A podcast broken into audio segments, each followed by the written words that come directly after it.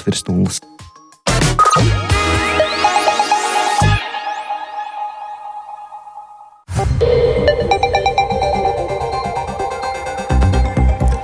Piecas minūtes pāri 12. un tas ir laiks raidījumam pusdiena ar plašāku skaidrojumu par šodien, 3. februārī notiekošo. Studijā Dācis Semenoviča. Labdien! Šomēnes turpināsies skolu beidzēju elektroniskie izmēģinājumi eksāmeni, un tuvākajās nedēļās tādi būs trīs, lai turpinātu pakāpeniski gatavoties eksāmenu rīkošanai tiešsaistē. Un iepriekšējās reizēs izmēģinājumu pieredze bija atšķirīga.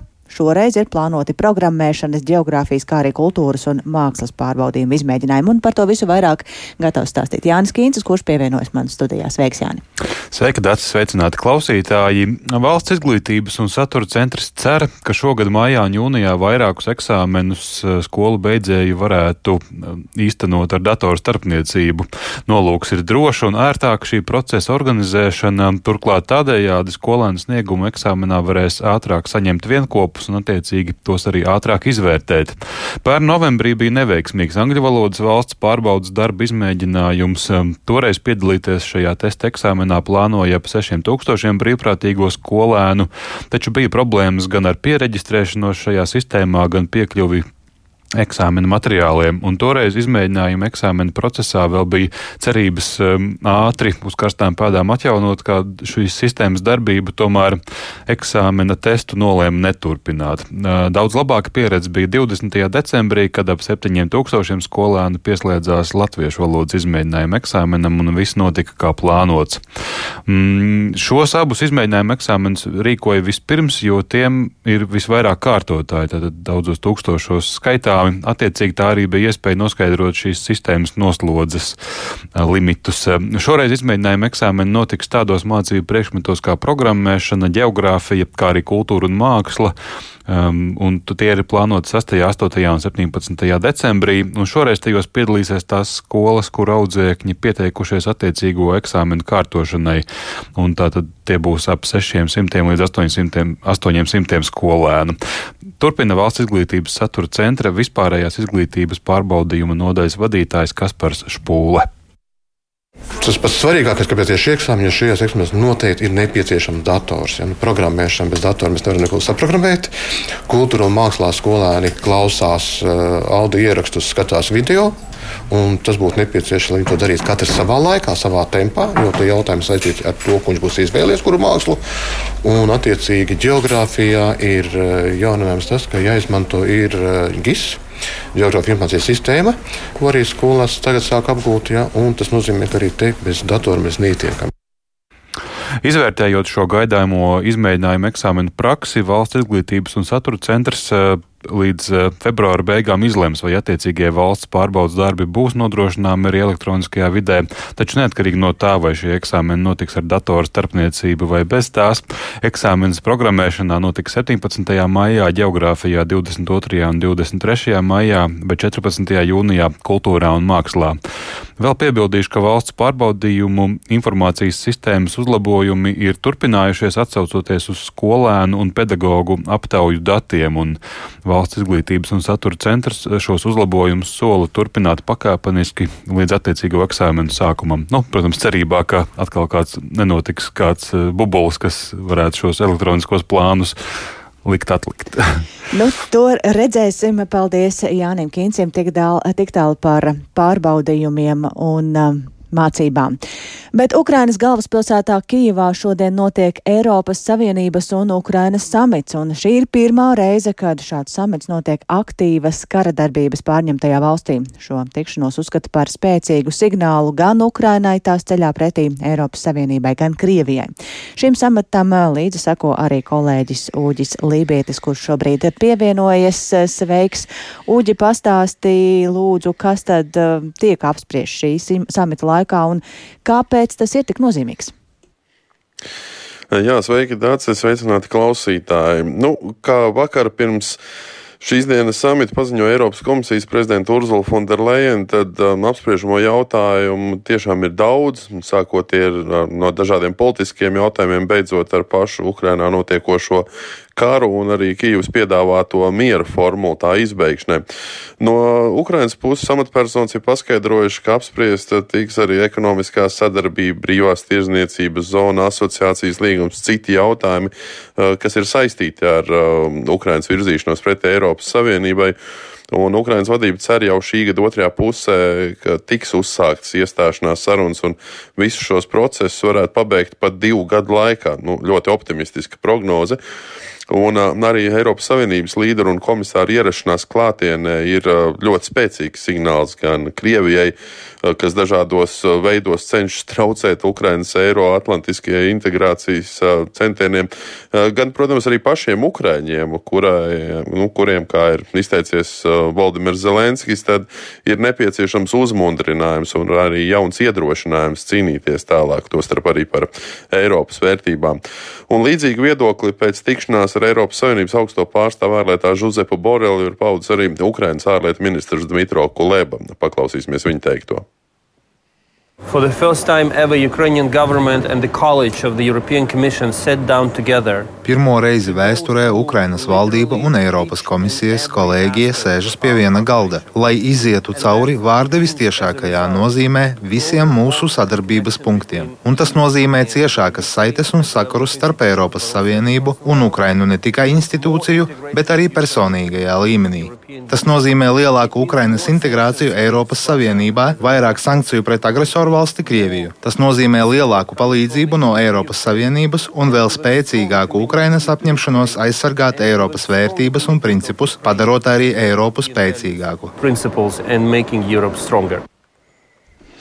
Jā, mēs dzirdējām tikko Ukrainas ārlietu ministru Dmitro Kulebu, bet, Uģi, nu, droši vien tas jautājums, kas interesē visiem, vai pašai Ukrainai ir kāds skaidrāks termiņš dots, kad tā varētu pievienoties Eiropas Savienībai?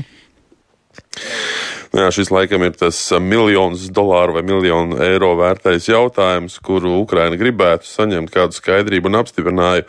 Taču nu, visticamāk, ka nāksies piedzīvot jau iepriekš arī prognozētu vilšanos. Un, nu, pat ja no Eiropas Savienības vēl šajā gadā varbūt arī izdosies sagaidīt sākumu reālām iestošanās sarunām, par drīzu iestāšanos perspektīvu runāt ir daudz pāragri. Un, nu jā, nu, no vienas puses Eiropas komisijas prezidenta un cita Eiropas līderi apstiprina, ka Ukrainu gaida nākotne Eiropā. Nu, un Ukraina jau ir tikusi un noteikti vēl tiks paslavēta par līdz šim paveiktajām reformām. Taču vēl pirms šī sameta jau no dažām dalībvalstīm izskanēja apgalvojumi, ka ne jau ne par kādu milzīgu vai nozīmīgu progresu runāt eh, vispār vēl nevar, jo gal galā Ukraina kandidātu valsts status ieguva vien pirms pusgada, un arī nekāds reformu izvērtējums vēl nav bijis. Nu, Otrkārt, viena no līdz šim visskaidrākajām prasībām ir paša kara nēsamība. Un kamēr karš nebūs beidzies, Ukraina Eiropas Savienībā nebūs. Tas ir diezgan skaidrs. Taču to, kad beigsies karš un kāds būs tā iznākums, pašlaik arī neņems prognozēt neviens. Un, nu, pat ja karš beigsies, mēs joprojām arī nevaram pateikt, cik liela būs zaudējuma un ko prasīs postījuma novēršana. Un, nu, reāli ļoti lielas daļas Ukrainas uzcelšana no jauna, tā var teikt. Vai šajā situācijā būs uh, laiks turpināt uzsāktās reformas, vai neradīsies kādi citi izaicinājumi, to arī pašlaik ir grūti teikt. Nu, es pieļauju, ka daudzas valsts Eiropā būs ieinteresētas šo integrācijas procesu nedaudz paildzināt, jo atbalsts Ukraiņas atbalstīšanai varētu būt tām, nu, manuprāt, izdevīgāks nekā Ukraiņas drīz iestāšanās, jo dalība Eiropas Savienībā nozīmētu nu, gan kohēzijas līdzekļu pārvirzīšanos, gan lielāku konkurenci lauksaimniecībā. Nu, īsāk sakot, ja pašlaik Eiropas Savienības atbalsts Ukrainai galvenokārt ir saistīts ar kopējo drošību un nu, ideālu aizsardzību, tad es pieļauju, ka nākotnē tomēr ar vienu aktuālāk kļūs arī finansiālajie jautājumi. Paldies, Uģi, par tavu komentāru un tātad Ukrainas izredzēm Eiropas Savienībā. Atgādināšu, ka karadarbības pārņemtajā valstī šodien notiek Eiropas Savienības un Ukrainas samits. Tikmēr Pentagons ir paziņojis, ka izseko Ķīnas spiegošanas balonu, kas lido augstu virs ASV un novēro ļoti slepenus kodolieroču objektus. ASV augstākās amatpersonas pēc prezidenta Džo Baidena pieprasījuma apsvēra arī šī balona notriekšanu, bet tomēr lēma to nedarīt, jo atlūzas apdraudētu pārāk pārāk daudz cilvēku uz zemes. Un tikmēr Ķīna saka, ka izmeklējot izskanējušo informāciju par tās balonu virs ASV, taču kādēļ balons atrodas virs ASV un ko tas novēro par to plašāk Rihards Plūme?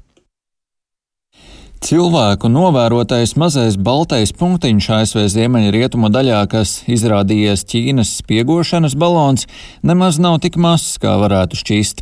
Tas ir aptuveni trīs pasažieru autobusu izmērā.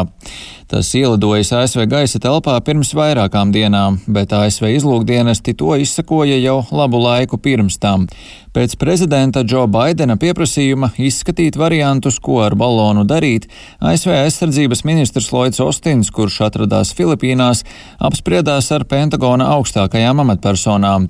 Jau šīs apspriešanās laikā iznīcinātāji aizlidoja izpētīt šo balonu, kamēr tas atradās virs Montānas štata.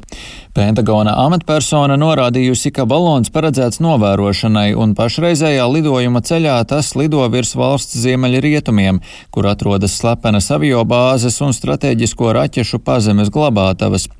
Situāciju telekanālam CNN raksturoja Cedriks Leitons, CNN militārais analītiķis un atvaļināts ASV gaisa spēku pulkvedis. Šis ir kaut kas, ko mēs saucam par nukleāro triādi, kas sastāv no bumbvedējiem, raķetēm un zemūdenēm. Un divas daļas no šīs triādes ir tiešā šī ķīniešu balona ceļā. Pentagons neuzskata, ka šis balons radītu sevišķi nopietnus izlūkošanas draudus.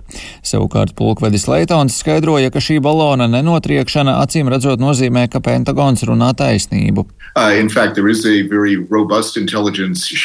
Būtībā starp Krieviju un Ķīnu ir ļoti robusta dalīšanās ar izlūkošanas informāciju. Tā tad viena no lietām, par ko ir jāpadomā, kad apspriežam balona notriekšanu, kāds diplomātisks fiasko tas varētu būt. Tas varētu radīt vēl lielāku spriedzi, iespējams, varētu tikt zaudētas dzīvības uz Zemes. Šīs ir lietas, kas ir jāizvērtē. Ja viņi tic, ka spēja mazināt šo datu vākšanas nozīmību un nodrošināt drošību, tad parasti šīm lietām tiek ļauts lidot tālāk un nonākt līdz to īpašniekam. Ķīna ir sūtījusi novērošanas balonus uz ASV arī iepriekš, bet šī ir pirmā reize, kad kāds no tiem tik ilgi atradies ASV gaisa telpā. Zināms, ka vēl lielākā augstumā debesīs atrodas arī Ķīnas spiegu satelīti. Nevar nepieminēt arī to, ka šis balona pārlidojums notiek neilgi pirms ASV valsts sekretāra Antonija Blinkena sarunām Pekinā, kas gaidāmas jau tuvākajās dienās. Rihards Plūme, Latvijas radio.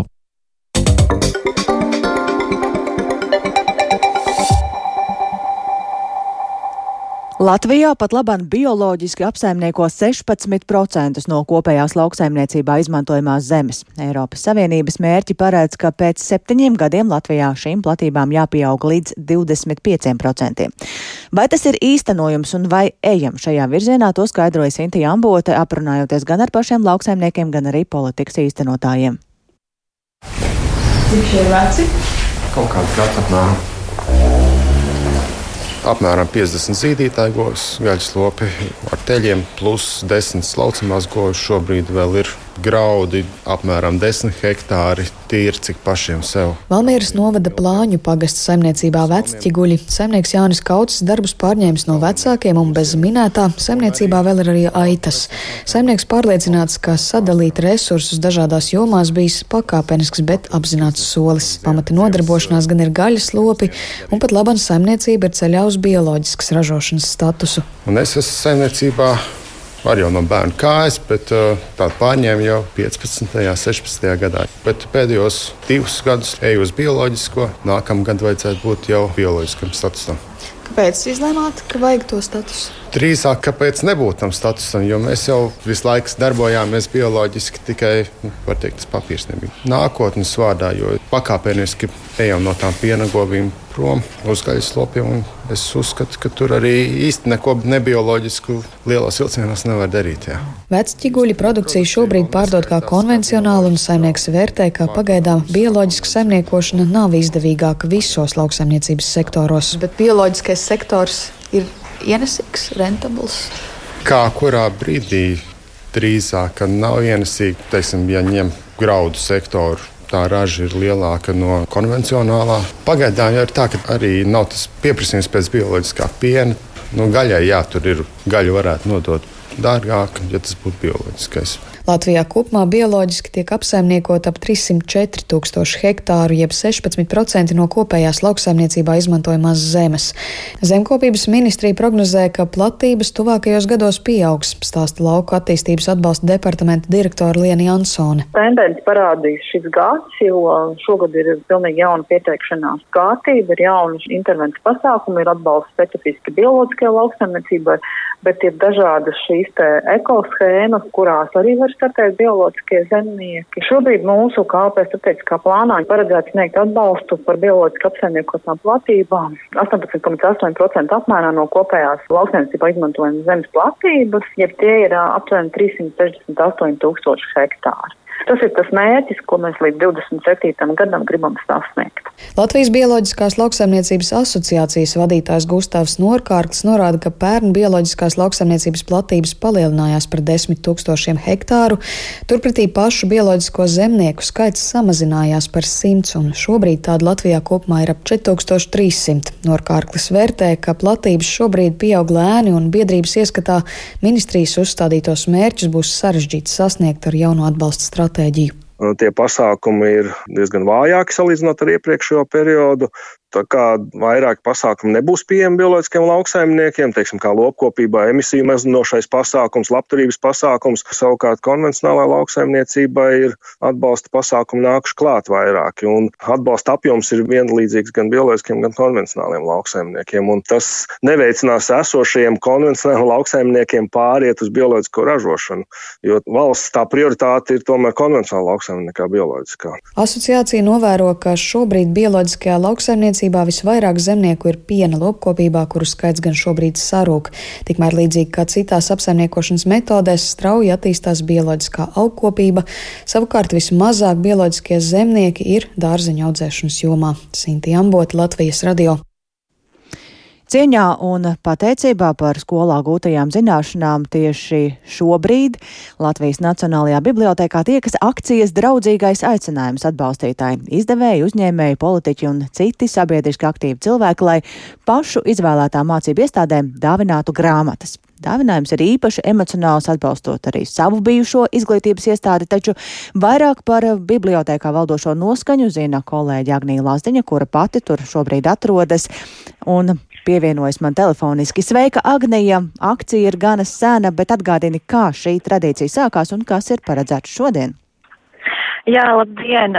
Šobrīd atrodos šeit un Akcija Draudīgais aicinājums ir aizsākusies ar neatkarīgās Latvijas prezidenta Kārļa Ulmaņa 1935. gada aicinājumu ik gadu 28. janvārī vai janvāra beigās un februāra sākumā, kā tas ir šodien, atbalstīt Latvijas skolas, dāvinot grāmatas un mākslas darbus, kas celtu šo te kultūras līmeni skolās un arī sabiedrībā.